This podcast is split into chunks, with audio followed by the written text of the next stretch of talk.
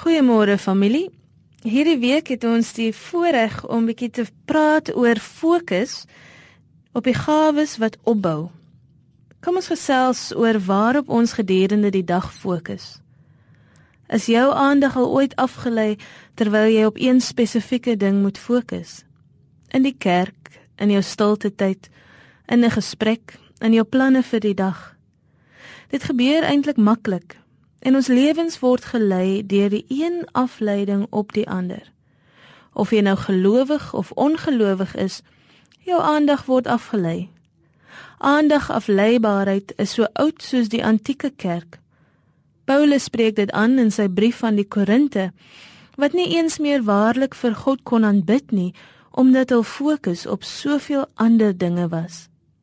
Daar was geen samewerking meer in die dienste nie en die belangrike boodskap van die goeie nuus van Christus was besig om verlore te gaan. So sê Paulus vir hulle in 1 Korintiërs 12 dat hulle hul gawes op so 'n manier moet gebruik dat dit die geloofsgemeenskap, eintlik die mensdom, sal opbou.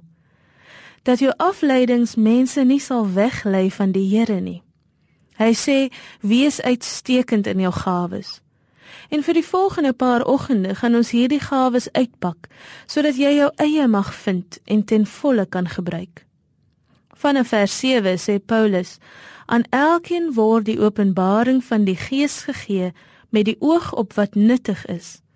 Want aan die een word deur die Gees 'n woord van wysheid gegee en aan die ander 'n woord van kennis vanweë dieselfde Gees."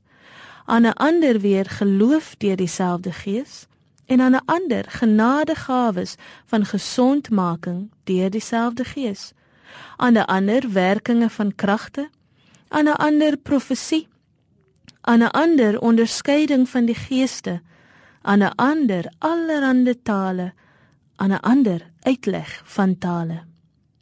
Ek wonder met groot nuuskierigheid hoe God se gees jou vandag sal lei sou jy dit toelaat om jou gawes so te gebruik dat jy die mense om jou opbou?